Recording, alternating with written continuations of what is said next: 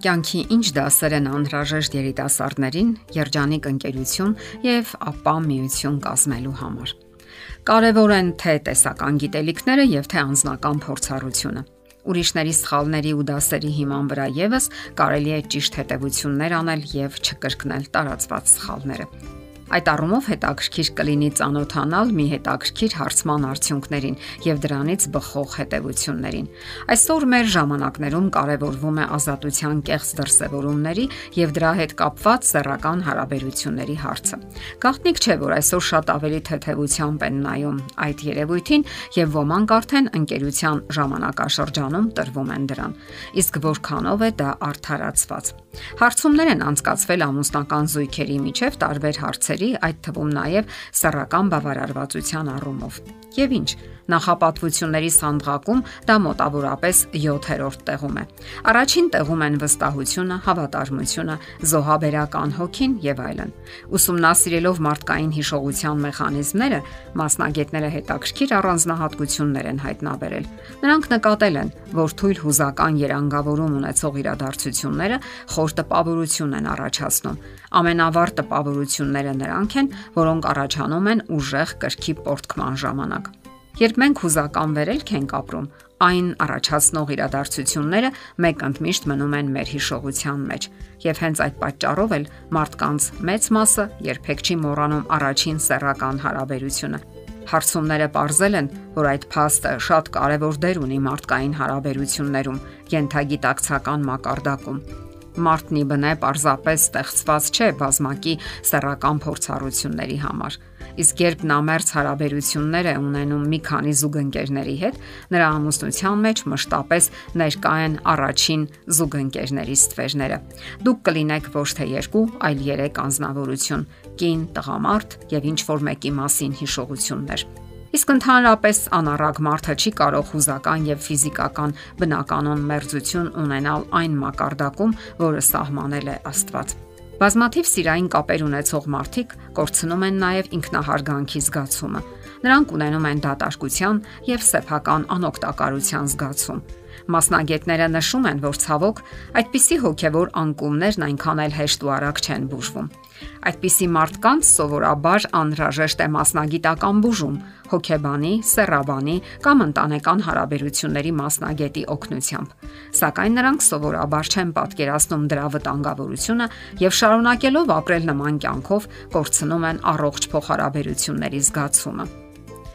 Ինչու եւ ինչպես է տեղի ունենում դա։ Մեր ժամանակների հիմնախնդիրներից մեկն էլ այն է, որ հաճախ նման կասկածելի հարաբերություններում են հայտնվում նույնիսկ ամուսնացած անznավորությունները, Չունենալով ամուսնական երջանկություն եւ առողջ հարաբերություններ կողակցի հետ, նրանք երջանկություն են որոնում անօրինական հարաբերություններում։ Նրանց թվում է, թե իրենք սխալ ընտրություն են կատարել եւ փորձում են որպես թե շտկել իրավիճակը այս կամ այն կասկածելի կապերի միջոցով եւ հաճախ սիրահարվում են կամ իրենց է թվում, թե սիրահարվում են ամուսնական միությունից դուրս։ Սակայն դա միությունը քայքայելու ամենահուսալի եւ արագ ճանապարհն է, որովհետեւ դեռ ոչ մեկին չի հաջողվել երջանկություն գտնել այսպես կոչված բազմակնության մեջ։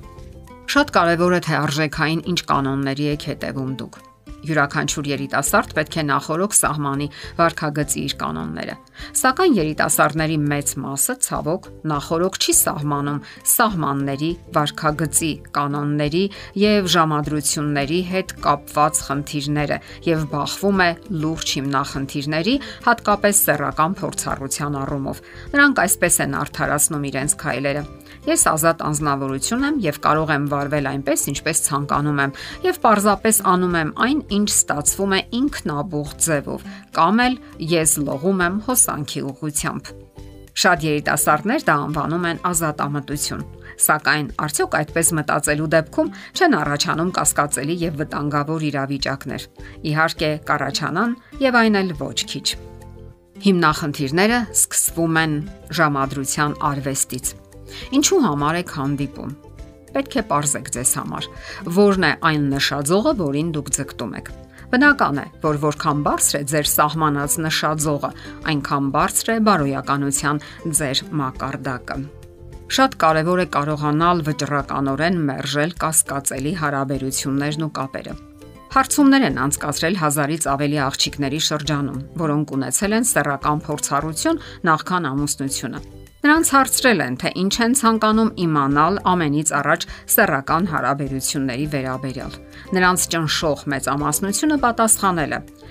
Ինչպես ասենք, ոչ առանց վիրավորելու դիմացինի զգացմունքները։ Սա նշանակում է, որ շատերը չգիտեն ինչպես մերժել հակառակ սեռին։ Հարկավոր է պարզապես լինել վճռական ու թեթև ակնարկի դեպքում անգամ հաստատակամ մերժել։ Թույլ մի տվեք ձեզ այն, ինչը նախատեսված է ամուսնական զույգերի համար։ Նման երկիմաստ զրույցների ժամանակ կատակով փոխեք խոսակցության թեման։ Դուք իրավունք ունեք անգամ ընդհատելու ժամադրությունը։ Դրա փոխարեն կարող եք զարգացնել եւ աճեցնել կարևոր որակներ սեր, նվիրվածություն, հավատարմություն եւ այլն։ Եվ դա վաղ թե ուշ կտա իր դրական արդյունքները։ Եթերում ճանապարհ երկուսով հաղորդաշարներ։ Հարցերի եւ առաջարկությունների համար զանգահարել 033 87 87 87 հեռախոսահամարով։